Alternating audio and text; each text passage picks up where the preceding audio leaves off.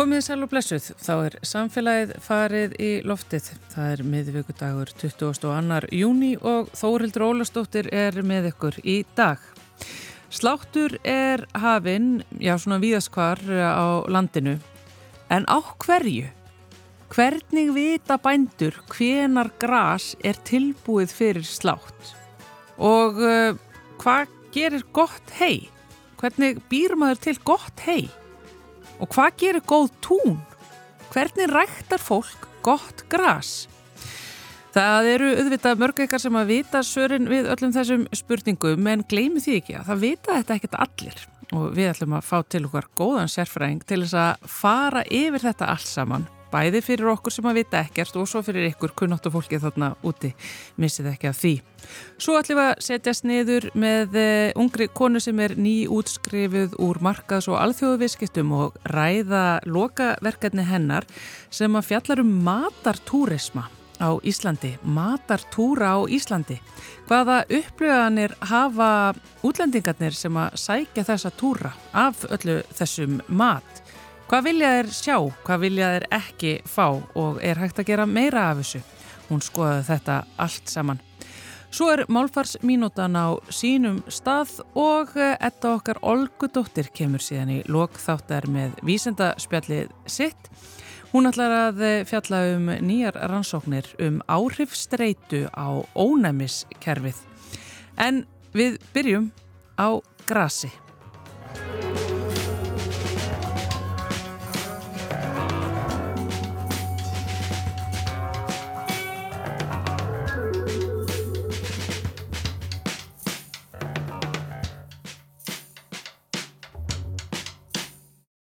Sláttur er hafinn víða um land. Það er náttúrulega mismunandi hversu snemma fólk nærað fara af staði að heia auðvitað. En það þarf ímislegt að koma saman til að ná góðum slætti, sapna saman góðu heigi. En, en hvað? Hvað gerir gras gott? Til upplýsingar fyrir okkur sem hafa ekki þurft að rækta tún, slá og heia er hingað komin Guðni Þorvaldsson sem er profesor emeritus og jarðræktarfræðingur. Sætlustu? Já, blessuð. Sko Guðni, hvað þarf að hafa gerst til þess að sláttur geti hafist? Já, það þarf náttúrulega að vera komin svolítið löfskjara. Þannig að sé, nummer eitt, eitthvað græst til að slá. Já. Og og svo fer þetta eftir því hvaða kröfur við gerum til fóðusins við viljum ekki endilega vera með hágæða fóður fyrir allan fjönað stundum viljum við svona trénismikið hei en í mjölkukýr sem eiga mjölka mikið þá þurfum við að fremlega mjög gott og hágæða hei Já. en getum sætt okkur við mikið, mikið lagara hei sko ef við ætlum að nýta það til dæmis bara fyrir geldfjönað og, og svo leiðis Látum sem svo að við séum að reyna að leita eftir afskaplega góðu hegi og næringar miklu fyrir bestu mjölkurkirtan okkar. Eh, hvað þurfum við að sjá út á túnuna áður um við förum af stað í að, að sláða? Það þarf að vera mjög grænt eða hátt eða hvað þarf að vera? Sko, það, það má segja að í fyrsta lagi þurfa að vera góðar græstegundir í túnunu. Því það eru, þetta eru kannski svona tíu græstegundir sem við erum með í túnum á Íslandi og ef við erum með ætlum að fóra hágæðakýrð þá þurfum að vera með tegundir eins og vallafósgras, vallarígresi, eitthvað sem að gefur, gefur, sem hefur eiginleika til að, að gefur góða meltaleika og gott fóður. Þa, það er svona grunnurinn. Þannig að það eru tíu grastegundur í Íslandi? Runn sem eru svona algengar í túnum bænda. Já. Það er náttúrulega miklu fleiri grastegundur svona í heldina en þetta eru svona kannski tíu grastegundur sem hennar slá og svo eru þess alltaf ykkur tvíkimblóngar í túnunum það eru sólegar og hýblar og hundasúru þessuna Já, og það má allt fara með Já, það fer allt með Já. en sumt getur dreyið úr gæðum sumar svona aðskota plöntur er ekki endilega gott fóður en geta verið það Já. Túmpífill er til dæmis ágætisfóður sko Já, það er þannig Já. Nú, og er magnið það sem við erum að leitast eftir að fá eða er það bara þéttleiki næringarefna í grassinu sjálfu? Já, sko, ef við erum að hugsa um hágæðafóður, þá erum við ekki, þá erum við fyrst og fyrst að hugsa um það að, að slá sko nógu snemma, því, því eftir því sem við sláum fyrr, þeimun meira er að næringarefnum í grassinu og þau svona minga eftir sem líður á sumarið. Já, Þannig að, að, að það er sem að líki latrið að þú ætlar að fá gott fóður, það er að slá snemma. þannig að fyrsti sláttur er fyrir eh, já, eh, sko be besta, besta búfjörnaðin. Já, og svo getur þú slegið fyrsta slátt sko á mismundi tíma, en með því að slá hann snemma, að þá færðu betra fóður heldur en að þú slæra sent. Þannig að, að sláttu tímin, eða græstegundin er kannski nummer eitt, og svo sláttu tímin nummer tvö, að vera snemma á ferðinni, og það sem ræður slátt, sláttu tímanum er oft það hvernig veður viðrar ef það kemur þurkast, þurku snemsumars og menn hefur kannski getað hugsað sér að býða aðeins lengur að þá þóraðist sjaldan að setja af sér góðan þurk þannig að menn slá að það kemur góðu þurkur þá og komið er svona kominu einhvers læja að þá fara menn ofta stað. Já, til að lendi ekki því kannski að, að, að svo fara að regna og, og þeir verða á seinir. Þannig að það er bara ef það opnast veðugluggi Já, að jafnvel þó að grasið sé ekki alveg komið í það sem þú vilt þá bara notar þú gluggan samt. já, menn gera Já. Ef þeir eru með ef þeir eru að hugsa um hágæðu fóður Er sem sagt þessi fyrsti sláttur svona rosalega mikilvægur? Já, sem sláttu tíminn að voru, hann hefur mikil áhrif á það hversu fóðugæðin verða mikil. Já, þannig að þetta, þess vegna er svona mikið undir Já, í, hjá fólki Já. í, í bændastjett þess vegna fara mér að stað þegar að það er orðið nægilegt gras, jafnveg þó þeir hefðu vilja býða smávist ölliti lengur að því að þeir vil ekki taka áhættuna af því að lenda svo í regningu. Já, þannig að þá er það komið. Og verður þetta þá sko þurkað og, og, og er þetta hágjaða gras í fyrsta slætti, er það handir að einhvern veginn öðruvísi heldur en maður sér kannski svona setna þegar líður á sumar? Nei, Yfirleitt er þetta nú svona gert með sveipuðum hætti, sumir heia í, eða setið í rúlur Já, sem, sem fara svo og plastaðir þær til þess að, að varveita og, og þegar að, þú er búin að binda rúllur og setja þær í plast þá gerist ekkert mikið. Fóðrið helst býstna gott ef ekki kemur gata á rúlluna. Já, þannig að þú er búin að koma þessu í góða gemslirauninni og aðrir setja í í votei, í flat svona út í stæður oft. Já, og það er líka góð gemsla ef að testað verið það skemmtum já, Er, og svo eru ennaðir sem að bara þurka hei, en það, eru kannski orðin margir í dag sem fullþurka en það er alltaf ykkurir já, sem vilja bara fá virkilega þurrt hei en annars er að menna að taka þetta svona hálfþurrt kannski, Já. sérstaklega í kýr sko. Já, emmi, það eru kýrnar sem að vilja hafa þetta svona svolítið e, blota í þessu. Já, en, en samt vilja mann ekki hafa þetta ofblögt, kannski allavega, fjör, allavega 45% hörrefnið eitthvað svo leiðis Já, þetta eru tölurverð vísindi greinilega þannig að einmitt hvernig á að, búa um þetta.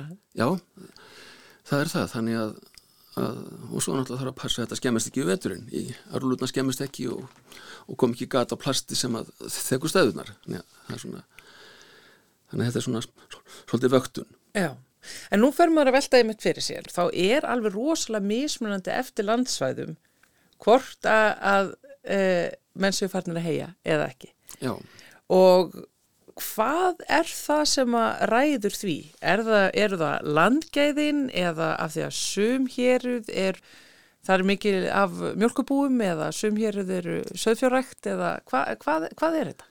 já það er nú aðeins breytir eftir sko hvenna byrjar að gróa á landinu Já, og þá er þetta byrjar þetta gætna fyrst svona á söðum til dæmis eins og undir eigafjöllum og í það sem er frekar lít og í eigafyrði er oft hægt að slá snemma og en kannski dregst þetta aðeins lengur á svona kaldari stöðum horströndum eða eitthvað, stað svona það sem að er heldur kaldara já, Eh, þannig að þetta dreifist aðeins eftir landslutum hvað snemma sprettur já. En ef við tökum þessa svona sólríkustu staði á flatlendi undir eigafjöllum, er það besta og næringaríkasta heið sem að kemur þaðan? Ég meina, er alveg djúpir fyrðir á ströndum, um, skuggsælir, þegar það fer á stað þar, er það, er það þá ekki nógu gott heið? Jú, eða? það, getur bara verið mjög gott hei Já, það fer bara setna stað. Já, að, að það bara fer sem að spretta fer í gang sko Já, á mismunandi tíma eftir því hvernig viðrað viðrar klaki getur verið lengur í túnum Já. á sömur stöðum en öðrum og, og það er einmitt það sem ræði því að, að það byrjar að gróa snemmundur eigaföllum að það er yfir lítið klaki í örðu já. þannig að það er í rauninni ekkert sem að segja sko að, að eftir ákveðinu landsvæðum sertu með næringaríkasta hei, þetta fer í rauninni bara eftir því að sumin á bara heia oftar einfallega að voruð mætir fyrir til þeirra. Já, að það er sem sagt eh, að líkilatrið er að slá snemma ef maður ætlar að fá gott hei mm. og vera með réttu græstegundinar og svo er það að, ná heginu sko góðu og fljótt að það rekist ekki úti. Þess vegna verður menn að að menn vilja ekki, ekki sko slá og láta það liggja lengi heldur bara að ná því sem allra fyrst í, í hérna hvort sem það eru rúlur eða stæður. Já. þannig að hegi getur farið mjög illa ef það rekst úti og þá tapar það næringagildi og svo skiptir líka máli að menn berir rétt átónin rétt að skamta af ábyrði ef þú ber til dæmis ekkert á að þá verður svona grasið kannski ekki eins prótenríkt því, því nétur ábörður hann, hann stöðlar að auknu prótenteini í grössunum og svo þurfa steinir efnin líka verið fyrir hendi fósfor, kali og, og, og allt það Já. og þetta er það er að hjálpa til með ábörðunum hvað þetta varðar ja, Þessi uppræktun hversu miklu máli skiptir hún? Já, enduræktun er er mikilvæg í kúabúskap Já. Það eru kúabændur sem þurfa sérstaklega góð hei og það eru þeir sem eru döglegastir að endurækta og það eru þeir sem eru fyrstir út að slá. en þeir sem eru bara með kindur, þeir þurfu ekki að passa þetta eins vel. Kindurna ger ekki, ger ekki sömu kröfur sko.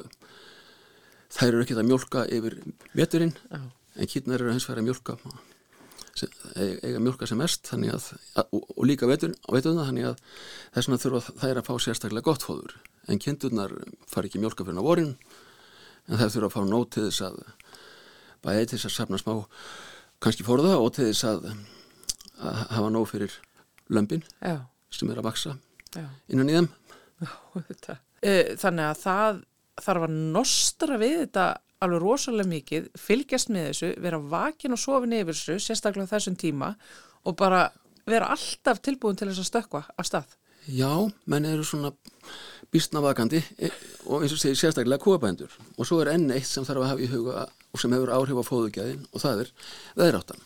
Já.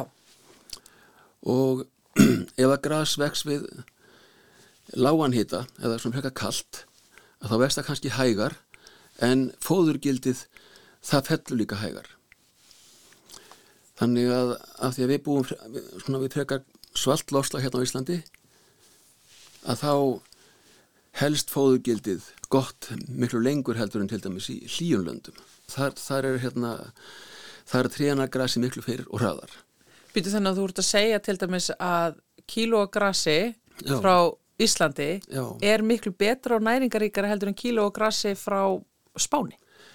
Já, til dæmis ef þetta er slegið á sama þróskastígi að þá, að þá hefur þetta trénað meira á spáni en þeir þurfa þá kannski vera ennþá fyrr sko, á ferðinni en, en þetta gerist allt svo hratt það sem er heitt. Hitti hefur sem mikil áhrif á það hversu hratt grösin þróskast frá því að vera á bladstígi yfir í það fara í að, að skrýða fara og mynda öks og svo blóm að þetta gerist miklu hraðar eftir sem er hlýra Þannig að kuldin er í liði með bændum að einhverju leiti þegar kemur á því að ná góðum sletti. Já, það má segja það og Ísland, þó að sé frekar svalt hérna, þá er Ísland samt mjög gott grasræktaland.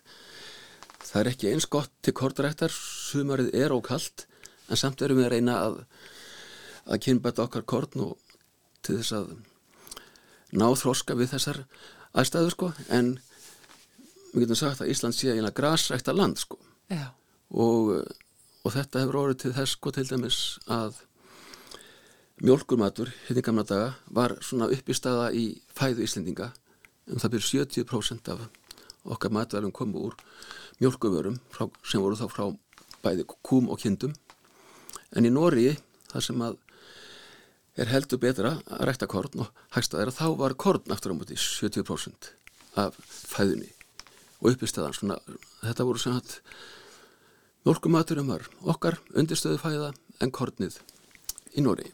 Þannig að það sem að við erum að sjá núna þegar Já. við förum út fyrir þéttbílið og, og sjáum sláttinn, þarna er bara komin ástað þess ákvöru já, byggð og, og fæðuval og, og fæðu menning á Íslandi þróaðist á þann hátt sem við erum að upplifa í dag. Já, þegar menn komið til Íslands þá byrjuðu þeir að rækta korn en svona, smá saman áttuðu þeir sér á því að Ísland var ekki eins gott í kornræktar og, og heimalandið, e, eða heimalöndin Já. Og menn fóru meira út í út í hérna mjölkurafurnar og, og svo náttúrulega kom líka kallt tímabil kólnaði á 13. öldinni og, og helst svona sem kvöldum, það sem við kallum litlu ísöld og það helst bara framundir framöndir 1920 bara má segja.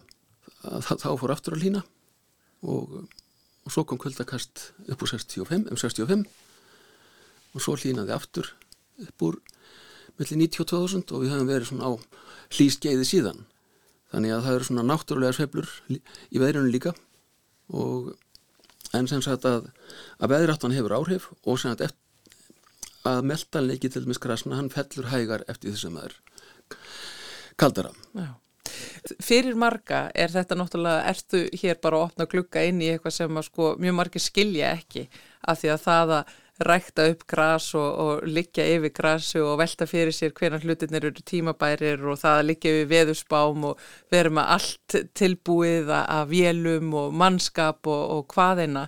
Þú voruð að lýsa þarna einhverju veruleika sem að mjög margir er ekkert rosalega tengdir við. Nei, nei, það er svona, þetta er allavega mikið kappsmálbænda að ná góðum hegjum mm. og svo hérna, hérna má segja sko að að veðrið hefur líka á, á, áhrif, áhrif á það hversu hratt sprettur. Já. og og eða kemur mjög hlýtt vor þá gerist allt mjög hratt en þá fellur líka fóðurgildi græsnan hratt. Þannig menn þurfa þá líka sérstaklega að vera á, varbergi ef þeir ætla að ná góðu hegi að leifa því ekki að vaksa oflengi í þessu mikla hita Þannig að þú ert aldrei í rauninni ekki að hugsa um grassið, af því að við við vetratíman að þá ert að velta fyrir snjólögum og, og þessu mögulega kali Já. og síðan er bara, e, ertu með puttan og nefið út í loftið bara frá snemvors til þess að sjá hvernig þetta er að fara. Já. Veður er allt. Já, og samt er þetta þannig að heiskapartíðin hún stjórnar miklu e, megna þess sem sem sæði á þann að menn þór ekki að setja af sér góðan þurk að komið er svolítið græs menn vilja það bara heldur slá aftur og, og það hefur svona kúabændur sem byrjast nema þeir þurfa stundum að slá þeisvar en, en þú myndist á kalið Já. að það er náttúrulega eitt vandamáli sem að við höfum í græsrættinni er að, að gröðsinn þurfa að lifa af veturinn. Eða með korn að það getur sá því að vori og uppskorið, uppskorið að hösti þannig það þarf ekki að lifa af veturinn. En svo er að vísu til vetrar einartkort sem að þá sáði mitt sumar og það lifi veturinn og svo uppskurðað árið eftir. En það er sem að hægt að vera með kortrækt og þurfa ekki að óttast sko vetrar skemmtir og þetta er svolítið misjamt sko svellkall er algengast á Íslandi að þá til dæmis ef það koma úrkomusum og köld höst að þá geta svell, svell myndast á túnum. Og ef þau liggja lengi að þá endar það með því að, að það sem er að græsið drefst undir þeim. Mm. En hins vegar höfum við verið að kynbæta okkar gröðs í þá veru að þau, þau þóli svell sem lengst og en það er að, að, að lokum drefst allt. Já. Þannig að þetta er svona eitthvað sem að menn eru líka að, að passa upp á að ef þau eru til dæmis með tún sem, sem er kalhætta í að þá reyna þeir að velja tegundir í þau sem að þólar frekar svell en geta kannski lefsir að vera með svona viðkvæmari tegundur það sem er lítil kalhætta. Er þetta bara fyrir sérfræðinga að rækta upp og, og, og búa til græs á Íslandi? Það er rosalega mikið þarna sem það þarf að huga að. Já, það, er margt sem þarf að huga að og, og hérna en bændu verða bara sérfræðingar í svo mörgu. Þeir þurfa að vera sérfræðingar í, í vilaviðgerðum og smíðum helst og búhjárættinu og járættinu en sem sagt að þetta er eitt af því sem að er að herja á menn og, og, og Íslandi er þetta algengast að það séu svell sem að ja. valda kali. En svo geta líka aðrar ástöðu verið. Það geta verið með sér bakterjur, sveppir geta drefið eða snjóar til dæmis á þýða jörð á hösti og, og hann liggur lengi að þá geta skapast skilirði undir stjónum fyrir sveppi sem að drepa grössin og svo getur bara kuldi drepi gröss líka og frostlifting getur sliti grössin í sundur þannig að það er svona að það eru ímsar það er ímsar sem getur valdið í að, að vetra beðráttan fer illa með grössin Er stressandi að vera bóndi í svona bransa að uh, eiga og rækta og sinna og slá og heia tún? Já, þetta er svona alltaf það, það er ákveð stress sem fylgir því alveg sem að en svona, menn hafa líka gaman að því. Þannig þetta er svona þetta er en þetta er svo, það er svo mikið undir að heifengurinn verði góður. Já. á því byggir svo mikið afkoman og þetta takist vel. Og þess vegna eru menn svona svolítið á tánum. Já. ég held að flestum finnist gaman að heia og, og, og tæknin er orðin svo mikil í dag að menn geta verið rosalega snöggir ótrúlega. Í, man, í, í gamla daga þá var fólk að berast við þetta allt sömarið að, að ná hegjum og nú gerist þetta á jafnvel örfáum dögum þar sem góð tæki eru fyr, fyrir hendi Já, þú ert allavega búin að opna þennan heim fyrir okkur og auka skilning okkar á því hvað er þarna undir, til hvers er að vinna. Guðnið Þorvaldsson, jarðaræktarfræðingur og profesor emeritus frá Landbúnarháskóla Íslands, takk hella fyrir spjallið og við sendum bara bestu hverður þarna út í sveitirnars þar sem sláttur er í gangi. Já, takk að þessum leiðis. Og áframhöldu við hér í samfélaginu og eftir ætlum við að tala um matarferðamennsku en fiskuleg við hlusta á Ragnæði Gröndal syngja Capri Katarínu.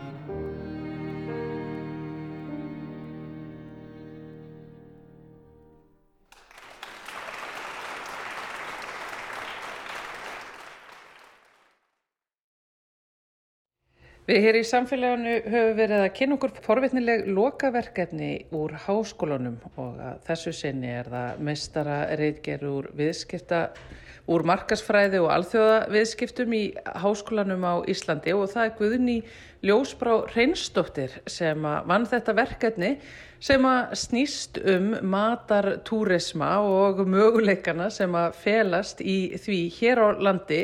Guðni Ljósbrá, það er já, faglegur og, persónlegur uh, reynsla, fagleg og persónleg reynsla og þekking sem að rekur þið það ekki að velja þetta verkefni?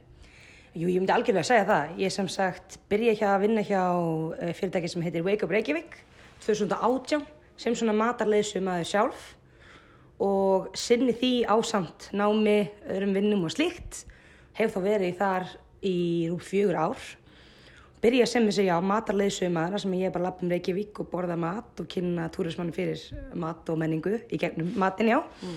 og ég er ennþá að vinna þar nú er ég komið meira svona skrifstofana í svona dagstæli störf uh, mikið að fókusa á einmitt markasmál svona efnispælingar, contentpælingar. Og það er rauninni í meistarnáminu mínu sem að ég var alltaf að reyna að finna sér viðsvansefni það er hægara sagt en gert. Já.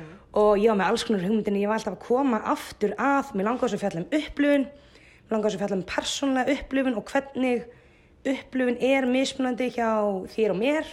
Við getum farið í sama túrin til dæmis og upplifun mín er vantilega öðru upplifun þín. Hvað liggur svona að baki þess að skapa jákvæða eftirminnilega eh, upplifun Já. og þá var ég alltaf að koma aftur að ég bara vá, ég vinn hjá fyrirtæki sem er með vinslasta matatúrin á treypitvæsor uh, okkur nýtti ég mér það ekki skilur þannig að það, það lág alltaf við sko. Þetta ég var svona alltaf fram og tilbaka en ég endaði þar og mjög, mjög glöði endaði, endaði þar. Já.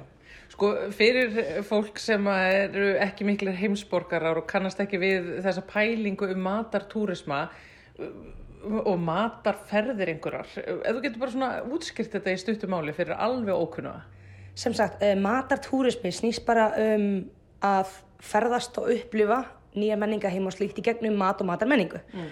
Og þá er það, getur það verið alls konar það getur verið alls konar svona food expos það getur verið, já, matarráðstöfnur það getur rauninni verið bara að fara út að borða marga veitingastæði, en svo er það líka rosa mikið þessir matartúrar. Mm. og það er það sem við erum að uh, bjóða upp á hérna hjá uh, Wake Up Reykjavík og ferðin okkar heitir The Reykjavík Food Walk. Og það eru fullt af matartúrum út um allan heim, út um öllum borgum. Um, nokkur á Íslandi og konseptið er oftast eins, það er bara að þú eigðir nokkur tímum með einhverjum lokal gæt sem fer með þig á nokkura veitingastæði, markaði eitthvað svoleiðs og byður upp á mat sem að tengist á landinu, menningunni og segir frá hvað þú veist, hvað þú ert að fá, af hverju það er mikilvægt sögulega séð, af hverju það er mikilvægt núna Já. og slikt. Já, þannig að veist, eins og Íslandi að þá er þetta pulsan, veist, yes. þetta er eitthvað sjáarfang, harfiskur, jáfnvel eitthvað þorrablæti og þar fara um til göttunum. Heldur betur. Já. Lamp, ís, fiskur, pulsa, bara algjörlega. algjörlega. Þannig að ég skil, þannig að er, þetta er það sem að þið langaði til þess að rannsaka og þú ferð út í þetta bara út frá því hvernig bara túristin er, er að taka þetta inn, hvernig hann líður með að gera þetta, hverju þetta bætur við ferðalæðið hans. Uh, algjörlega, ég sem sagt fór í svo kalla social media analytics nálgun mm -hmm. og svona það fallega við þessa uh, aðfræðfræði er það að ég nýtti mér gögn á miðli sem við erum mjög sterk á uh, fyrirtæki okkar sem er TripAdvisor og TripAdvisor er staðista staðista svona ummæla samfélagi heimi Já. review community og það er bara, úst, ef þekkir ekki TripAdvisor þá er það bara þannig að eftir einhverju upplifin, hvort sem þú ferð út að borða, hvort sem þú ferð í ferð, hvort sem þú ferð á hótel, þá getur lokaðinu inn, þú sem einstaklingur og þú skrifar persónulega reynslu þína af upplifinni eða vöruninni eða eitthvað slíkt. Mm. Um, og við erum að herja mikið á þetta hérna í starfinu okkar, eða við erum búin að fá mikið umálum og eins og segja við erum vinsalasti fimmstjörnu reytaði túrin á trippitvæsvar í heiminum, Já. sem er rosalegt, bara eitthvað lítill maturinn á Íslandi og út af því að höfum við þessi dýrmætti gögn, þar sem að ferðarmenn sem koma til okkar skrifa sjálfur um upplöfuna þau hugsa ég, mér langar svo að nýta með þetta hvað er túristinn sjálfur að segja um ferðina okkar ja. án þess að ég skipti mig neitt af ja. þannig með því að nota þessa social media analytics uh, aðfrafræði þá gæti ég sótt mér þessar upplýsingar sem nú þegar til Já. á netinu í svona náttúrulega umhverfi og bara greint það Já. og hvað er þetta að komast að? Uh, við sem sagt, já, ég framkvæmdi svona content analysis þannig að ég var að sko, kafa betur í hverja, hvert ummæli. Bara Hvað er hvert ummæli að segja mér? Hvar eru þau að stoppa og minnast á einhvern ákveðan þátt eða faktor í upplunni? Og ég greindi sem sagt uh, sjö þætti sem komu hvað algengast fram og það var sem sagt uh, leiðsömannu upplifunin að hún hafi gefið þér aukið gildi í uh, ferðinni eða aukið valjú og matarupplifunin, make a sense.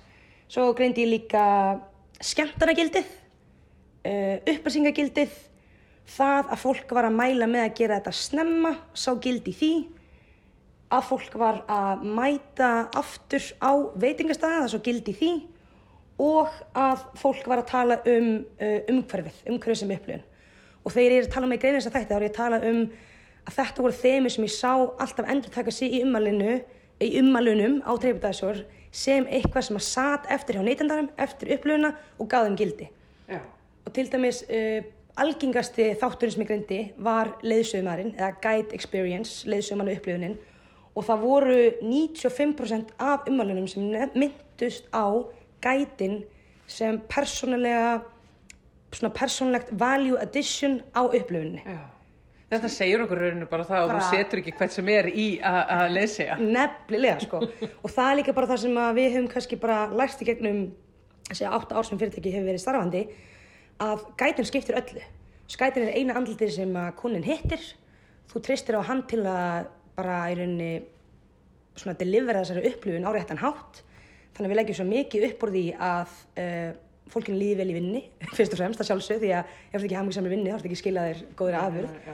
og uh, að það skýnir sér til kúnans. Og fólk sé að skemmta sér í turnum hvort sem þú sért, við veistu vinnur hvort sem þú sért gæt, hvort sem þú sé við á skrifstofunni að tala við þig. Að það sé bara skemmtarnagildi í þessu öllu saman. En leiðsögumadurinn er náttúrulega bara að setja á ákveðna síningu. Hann er síningastjóri, þannig að auðvitað náttúrulega þarf hann að vera. En svo er það náttúrulega maturinn sem að fólk er náttúrulega eðlilega hérna hafa til valið að fara í svona matartúr uh, hrifið af. Uh, varst að greina eitthvað, einhver ákveðin matategund eða eitthvað svona ákveði væri að standa upp úr? Sko, já, gaman að minnast á það. Eh, Ég sem sagt tók að sjálfsögðu um, öll umalinn, greinið öll. Við setjum líka í, öll inn í svona uh, cloud generator, það gerir svona orðaský úr algengustu orðunum. Og algengasta orði sem var skrifað var að sjálfsögðu food, bara matur. Það er bara það sem var skrifað algengast. Og svo kemur túr, guide, Reykjavík, restaurants og svo reyndar uh, mjög skemmtilegt að í sjötta sæti var Ben sem er nafn á guide hjá okkur. Hann var sjötta algengast að skrifa orðið yfir allt tímbilið sem ég kannaði sem að skilja sig líka að fólk er að skrifa nafnið á guidinu það er svo ánægt með hann. En svo uh, tíunda algengasta orðið var fermented shark. Það er hákallinn, góðið sko. Hann var svolítið að standa upp úr í uh, annarka eftirminnilegur að sjálfsögðu Já, já. og það er líka smá leikrið í kringum hana því að náttúrulega þarf að útskýra fyrir fólki að hefðina og hvað þessi, þessi menning byrjar öll saman og hvernig þú borðar hann, borðar hann og bara hendur hann ekki uppi og kingir hann sko að tyggja hann og finna bráðinn og skóla hann niður með að sjálfsögðu brenni vinni sko. Þannig að það, það var að setja eftir hjá fólkanu. Já, ég minna... Út af miskoðum ástæðum. Já, já, ég minna hákallinni, en það er upplifunum, Já. sko, þetta er ekki kannski uh, það skemmtilegasta sem þú borðar um æfina eða hérna, ef þú ert alveg ókunnugur en, en, en upplifunin, þannig að þið setið mikið svona í kringum þetta. Nefnilega, og þetta finnst mér líka sína svo skýrt að allt sem þú gerir smá upplifun í kringum, þú veist, það er ekkert mál að skella fyrir fram að og það er er, herðu, okkur núna ætlum við í smá sérstakann illa rétt sem er sp- spennandi og áhugaverður út af þessum ástæðum. Og þú ferði gegnum sjón og ferði gegnum ræðina, þú þau spennt fyrir þessu, þú útskýrir fyrir þeim akkur þetta er svona einstakt, akkur þetta skiptir okkur svona miklu máli sem Íslandingar í matabæningum og allt það. Og svo leifir þeim að smakka og svo ertu með smá aðtöfn tekið nokkur sinnum, finna lyktina, skólusnum, brennivinni. Þannig að allt þetta er það sem myndar saman þessa upplifun sem að mun svo skila sér eftir í, það viljum náttúrulega alltaf skapa jákvæðu upplifun. Hákallinn, mm, ég meina, þú veist, þótt að sig kannski ekki frábæra bræðið, það mun hann alltaf skilja eftir áhugavera spennandi og út af því, jú, jákvæðu upplifun, þótt að finnst það kannski ógæstlegur, þá finnst þér oft mjög gaman að hafa prófað eitthvað uník og það sé smá svona leikrið í kringum að Líka bara sigrast að sjálfu Já, 100%, 100%. Og við erum líka einmitt alltaf að hugsa það hvernig, við viljum ekki bara mæta, segja að við viljum skapa þessu upplöfun, við viljum gera eitthvað öðruvísi. Viljum fá þeim með ykkur í lið, þú veist, við erum bara, veist, og gætin okkar að borða með þeim, sem líka sem er ekki alltaf gert. þannig að við erum öll saman í þessari upplifun þannig að fólk upplifir sig og leiðsumannin sem bara svona ákveði svona vinasamband Já, já. og sáum það líka mikið umvalum að fólk er að tala um að þeim líður oft eins og segir bara að borða með vinni sínu með fjölskyldi jöfnvel eitthvað svona sem er mjög, sem er mjög gaman Sko, annars sem við nýtum í þessari rannsókninni er þetta þegar þau túristinn er að segja að þeir eru að mæla með því að þessi hérna, túr sé tekin í byrjun frísins og það að þeir vilja fara aftur á veitingastæðina. Þannig að þarna finnst mér sko í þessari rannsókn byrtast orðið svart og hvítu sóknarfærin sem eru í matartúrisma á Íslandi. sko algjörlega og þetta er eitthvað sem við svo sem vissum að einhver leiti fyrir en sýnir sér bara svo skýrt í ummalunum þegar við fyrir að greina þau. Af því að einmitt eins og að nefni sjálf fólk var annarkvort að nefna vá ég gerði þetta í byrjun og ég er svo þakklátt fyrir að ég gerði þetta í byrjun af því að það gaf mér svo góða insýn út í restan af ferðinu í ferðinni af því ég gæti tala við einhvern jafn í grundvelli spurt alls konar spurninga, fengi alls konar ráð og lært bara mikið á uh, maturöfluna og þá gæti ég líka að fara aftur á veitingastana sem ég fílaði, prófa það aftur eða ef fólk var að segja ah, ég vildi að ég hafði gert í byrjun að við gerum þetta í endan, þetta var frábært en ég mitt heyrði svo mikið sem ég hefði viljað prófa ég hefði viljað nýtt mér og ég kynnti svo mörgum frábæra veitingastöðum sem ég hefði viljað fara á aftur. Þannig að það sjáum við svo mikið eins og segja sóknarfæri í þessum matartúrisma og líka bara gefur okkur svo dýrmæta insýn í um, sem við getum nýtt okkur til að vinna með veitingastöðunum okkar. Við erum að skapa tækifæri fyrir þau þau eru að skapa tækifæri fyrir okkur og þetta er svo mikið svona þetta er svo mikið hringrás. Allir Sem græða. það er svo geggjað sko. Eh, sko annað sem að mér langaði að fá betri útskringu frá hjá þér er þetta þegar þið er að tala um að, að fara þessa leiðir, bara lappa hérna um. Ég, hva, hvað er svona eftirminnilegt og mikilvægt við það? Hva, hvað eru þið að meina þegar þið tala um að, að eitt af því sem að standa upp úr er bara að lappa? Já, já, já, klálega um, þetta er náttúrulega að sjálfsögðu mataferð en hún er við göngum, allt sem við förum, við erum ekki stór borg þannig að það er mjög kostur í því og við erum alltaf að stoppa hjá ákveðum svona landmörkum hérna í Reykjavík og segja þeim frá. Og það tengist allt inn í söguna. Þannig að byrjum alltaf í hörpunni útskýrum það, það er nýtt kennileiti svo löpum við niður um, við út tölum um höfnina við tölum um Ingolstorg, við tölum um alþingi sjálfstæði, fólk er og þegar voru kannski á höfninni þá hefur takkið verið til að tala um þoskastrið og það er rosa gaman að segja frá því. Og svo kemur á sjárættaveitingastað og farið fisk. Og þá tengir það líka inn í upplöfunina þannig að þá er svo gaman að hafa séð eitthvað og svo ferðu inn, sest á veitingastað og borðar eitthvað sem tengi söguna því sem hún sást rétt á það Já, já, já, þannig að það er líka það sem styrkir þessa hildar upplifun og setur þó líka eftir í huga neytendar en líka það sem að þau uh, eru einnig að tala um í umhverfinu það er ekki bara kannski þessi útikennuleiti sem er samt líka mjög skemmtilega og mikilvæg og geða með þessa svona sögulega fræðilega umfyllun um, en það er líka bara svona víbrunar inn á veitinghúsinu svona aesthetikið, fólk líka tala um það eins og eitt af bara nokkuð stopp hjá okkur til dæmis íslenski barinn. Frábær veitingastæður svo mikið svona, þau gerir svo mikið úr því að skapa svona íslenska stemmingu þar. Þau eru með svona gamla íslenska diska upp á veggjunum st- stórt skilt sem stendur á Ísland úr NATO og allt það, þannig að maður getur verið að grípa og benda og sagt alls svona sögur. Og þá er fó- fólk líka að tala um bara, vá, þá er svo frábært að sitja inn á svona alveg íslenskum veitingastað. og heyra sögunar og geta séð kringu sig, þeir leiðs bara eins og væri á íslensku heimili Já, já, já. Það er líka það sem við erum meina með þessari umhverfis upplifun. Þannig að er, þetta herjar klárlega öll skinnfarinn og það er það sem líka skapar þessa eftirminlu jákvæð upplifun í endan sko. Já, og það er svona pínlítið eins og þessi lýsaði þá að þau getur svona stíið út úr því að vera ferðamaður og ókunnugur og þau fá að aðeins að máta sig við það að vera heimamaður og kunna svona bestu leiðirnar og, og allar svona litlu hotnin og göturnar sem hægt er að rölda inn og svona félustæðina. Bara algjörlega. Og svo er það líka það sem er svo skemmtilegt við þetta er að við erum með bara uh, ágætt heimi, við erum með kannski tíu leiðsögum en núna sem eru svona að vinna mismikið. Og það bara fyrir eftir hverjum hún lendir á hvernig ferð þú farða sjálfsög því að allir eru með sína eigin sögur og persónulega sögur, þú veist, þegar ég tek ferð þá stoppa ég alltaf á stjórnaröðunni og tala um að afi minn var nætuvörðu þar og ég var alltaf þar inni þegar ég var lítil. Og stundum opnaði ég hurðina hjá fórsættistráðarhörnum og fólki finnst alveg bilað að sex ára stelpa hafa getið gert það þessi ekki lært skilur og það er ógust að fyndin og skemmtileg saga um, að því það er bara tengi mig svo mikið inn í líka ferðina þeirra Já. tengi mig við þau og ég er bara að segja þeim eitthvað sem bara alveg frá mér, bara mín eigin persónulega reynsla. Og næsti leysum maður tegur næsta túr hann er með eitthvað allt annað sem maður segja þeim og gefur sem að gefur þeim líka auki svona added uh, persónulegt value sko. Sko það vinna svona rannsókn, eh, þekkjandi þetta sjálf, hafandi verið að leysa þessa túra, verandi, hafandi unnið við þetta í öll þessi ár. Mm. Þetta lítur að vera sko skemmtilegt að vinna svona mestarverkandi að þegar mann heyrir oft sko, við erum búin að tala við svo marga sem er að klára þessi lokaverkandi og þetta er alltaf svolítið brekka en hjá þér verðist þetta hafa verið bara... Já, ég sko algjörlega mjög heppin og ég segi nú ekki að uh, þessi aðferð krefst þess að ég þurfti að handvist taka hvert og eitt ummali, setja hann í Excel, greina það, greina það aftur, alls konar, alls konar um, mikið sem þetta gerir með höndarum já, já.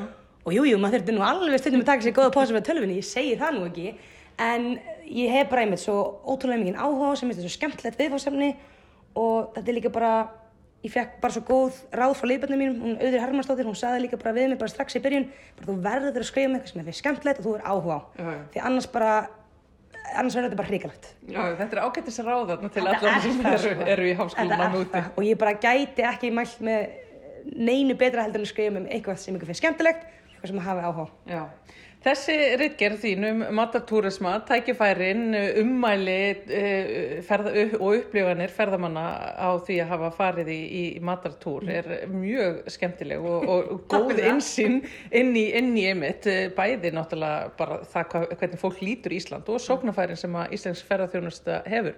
Gaman að fá að kynast þessu aðeins hjá þér. Guðni Ljósbrá Hreinsdóttir, til hafmyggju með rittgerðina þína í, í markasfræði og alþjóðaviðskiptum. Takk kærlega fyrir að hitta mig og tala um mig og bara já, takk fyrir fallið orðin.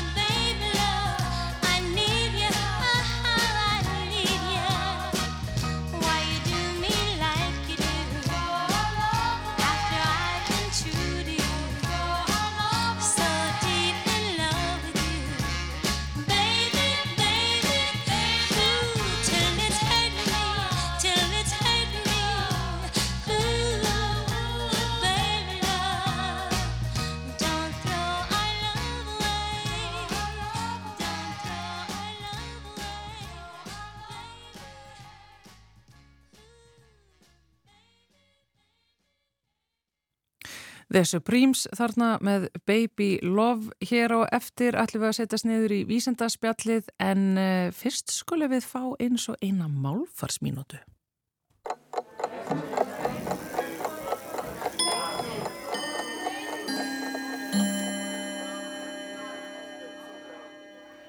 Hýð Íslenska lærdómslistafélag var stopnað í Kaupmannahöfn árið 1780. Stopnskrá félagsins var prentuð í tvímála útgáfu með íslensku á vinstri síðu og samsvarandi texta á dönsku á hægri síðu.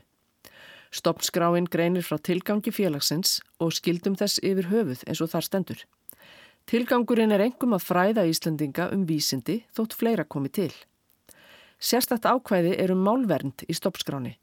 Þar segir, einnin skal félagið geima og varðveita norræna tungu sem eitt fagurt aðalmál er langa æfi hefur talað verið á Norðurlöndum og viðleitast að reynsa hennar sömu frá útlendum orðum og talsáttum er nú taka henni að spilla.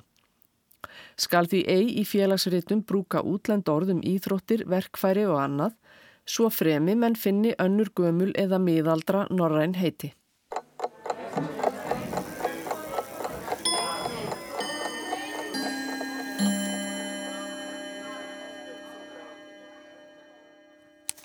Anna Sigriður Þráinsdóttir Málfars ráðunötur þarna með sína Málfars mínútu. En uh, þá er komið að vísendaspjallinu hérna hjá okkur í samfélaginu með ettu Olgudóttur Sælvertu. Sæl. Þú ert að hugsa um uh, fylgi fisk nútíma mannsins streytuna. Já, nákvæmlega og hvaða áhrif það hefur á okkur og þá sérstaklega á ónæmiskerfið. Já. Og ónæmiskerfið er náttúrulega eitthvað svona partur af okkur sem hefur verið svolítið mikið í deglunni núna af því að við erum nýbúna að ég vil allavega meina að við séum nýbúin að sigrast á þessum heimsfaraldri mm -hmm. þó að hann sé kannski ekki alveg búinn en svona að mestu leiti og hérna hann hefur líka haft mjög mismikil áhrif á fólk. Og þá hefur við kannski sérstaklega verið að horfa á sko að hérna eldra fólk er viðkvæmara fyrir fólk sem er með undirlikjandi sjúkdóma er viðkvæmara fyrir síkingu en annað. En svo eru líka sko heila getur maður sagt óútskýrð uh, óútskýrður mismunur á því hvernig síkingin leggst á fólk Já. og þessi rannsók sem ég ætla að tala um núna hún getur kannski varpa pínulíti ljósi á það af hverju síkingin hefur svona mismunandi áhrif á fólk án þess að það sé einhver, einhver þekktur þáttur þar á bakvið vegna þess að þegar að ónæmiskerfið okkar eldist þá eiginlega bara alveg eins og við sjálf það bara hrörnar það og það er ekki alveg af gott. Og í grunninn má skipta ónæmiskerfinu í bara mjög einfalt má skipta í tvent, það er B-frumur og T-frumur. B-frumurnar eru þær sem að sjá um að framlega mótefni og það eru til dæmis virkju við þær þegar við bólusetjum okkur vegna þess að þá eru við að setja inn eitthvað prótín sem að frumurnar okkar skoða og bindast við og byrja að framlega mótefni gegn. Já. Þannig að ef að þessi síkil kemur aftur inn, þá þekkjum við hann. Þá veitum við, heyrðu, þessi er eitthvað, eitthvað sem við viljum ekki vera með og þá fer bara í gang framlegsla á bjöfrumum sem að þekkja þessa, e, þennan síkil og fullt fullt af mótefnum þannig að við erum fljóta slökkva á því ef það kemur aftur. Mm -hmm. Svo er það tjefrumurna sem er meira svona frumubundið ónami og þær þekkja bara síklana, þróskast til að þekkja síklana og alveg á sama hátt og, og þegar að bjöfrumurnar eru farnar að þekka eitthvað sem hefur komið inn áður þá eru tjefrumurnar með svona minni eða það er að segja hluta þeim eru með svona minni þar sem þær geta þekkja, sem sagt, kynnast einhverju um síkli og þekkja hann svo ef hann kemur til aftur og Já. þá eru við aftur bara mjög fljót að ráðast gegn þeirri síkingu. Þetta er bara lýsing þarna á frábæru ónumiskerfi og einmitt T&B frumum sem við kunnum svo mikið um eftir COVID. Já, nákvæmlega, kannski bara miklu meir en við viljum vitum það sko. En, en þegar við til dæmis fæðumst, þá eru allar okkar B&T frumur það sem er kallað naíf eða þær eru bara óþroskaðar, þær eru bara svo litlar og vittlusar og þær hafa náttúrulega ekki kynstneinu vegna þess að þær eru bara búin að vera í venduðu móðurkviði í nýju mánuði og um leið og er koma svo út í hérna, umhverfið að þá byrja, veist, þá byrja árásinnar, mhm. hérna, maturinn sem að við höfum ekki kynst áður og allt þetta. Og þá byrja þær að þroskast og við byrjum að búa til þetta ónæmiskerfi sem að mun svo vend okkur það sem eftir er æfinar og þær eru þá allar svona ósérhæðar getur við sagt. Og svo eftir því sem að árin líða að þá verðum við með fleiri og fleiri sérhæðar frumur. Og svo eru alltaf einhverja sem eru líka ósérhæðar sem eru þá tilbúnar til þess að bregðast við ef við fáum einhverja nýja síkingu inn. En svo þegar við eldumst að þá fækkar þessum ósérhæðu og það er bara verða fær og færi þannig að við erum kannski verð í stakkbúin til að takast á við nýjar síkingar sem við höfum ekki hitt áður og við erum líka þá verið í stakk búin til þess að, að bregðast við bólusetningum. þannig að, að hérna, ónæmisvar við bólusetningu það dalar eftir því sem við eldumst og það er einmitt þess vegna sem við eigum að fara í bólusetningu þegar við erum hérna, orðin gömul vegna þess að við viljum vera með öll vopnalofti. Já, þetta er bara til dæmis þessu ástæði fyrir því að, að börn eru bólusett við mislingum veist, innan við einsás. Já, algjörlega. Já, og svo það sem að gerist líka fyrir utan það að þessar ósérhæfðu frumur þeim, þeim fækkar að þá verða hínar sem eru orðna sérhæðar, þær verða líka eldri og eiga í raun og veru inni færri frumuskiptingar. Ferðum að for, förlast. Já, í raun og veru, það verður það sem gerist. Þannig að við erum bæði verri stakkbúin til þess að takast á við nýja síkingar og til að takast á við gamla síkingar. Og læra nýja hluti. Og læra nýja hluti og ónæmiskerfið er bara farið að hrörna. Og er gamalt. Já, það er nákvæmlega það sem gerist, alveg eins og bara með líkamann okkar. Já. Og þá erum við ekki bara að horfa upp á sko að við eigum erfiðara með að takast á við síkingar. Þetta á líka við um það sem við hefum talað um áður að ónæmiskerfi gegnir til dæmis stóru hlutverki í að halda niðri krabbameinum, halda niðri sjúkdómum í hérna, hjarta og æðakerfinu mm -hmm. og, og bólkusjúkdómum þannig að eftir því sem við eldumst þá sjáum við tíðni sjúkdóma aukast og það getur semst gerst meðal annars út af því að ónæmiskerfið er ekki lengur að hjálpa okkur. Þannig að þetta er ástæðan fyrir því að þú getur í rauninni fengið nákvæmlega sömu kvefpestina sem er sama stopni tvísvar þegar þú er komin að yfir ákveðin aldur. Þess vegna verju við til dæmis dvalarheimili svo mikið þegar það ganga svona flensur. Já, til dæmis. Mm -hmm. Og svo eru náttúrulega kvefpestir eru þær sem að stökkbreytast alveg hérna. Já, það eru náttúrulega óþálandi. Já, við skulum bara orða það þannig. Já. En svo er þessi rannsók sem ég var að lesa og þar var verið að skoða hversu mikil áhrif streyta hefur á ónæmiskerfið okkar. Og þau voru sannast með þarna 5.700 einstaklinga, þetta er rannsók sem er unnin í bandaríkinum og þetta eru 5.700 einstaklinga sem eru komnir yfir 50 og þau svara svona spurningalista með alls konar, hérna hefur lendi einhverju í æsku, hvernig og bara almennt um hvernig lífið gengur fyrir sig, mataræði, e, hreyfingu og allt þetta.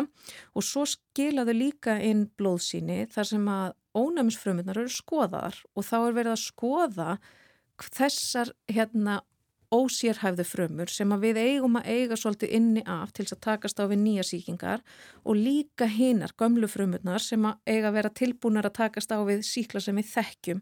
Og hvernig þær eru í raun og veru bara hvernig þeim heilsast, þar að mm. segja hvað er mikið til af þeim og hvernig gengur okkur að takast á við síkingar.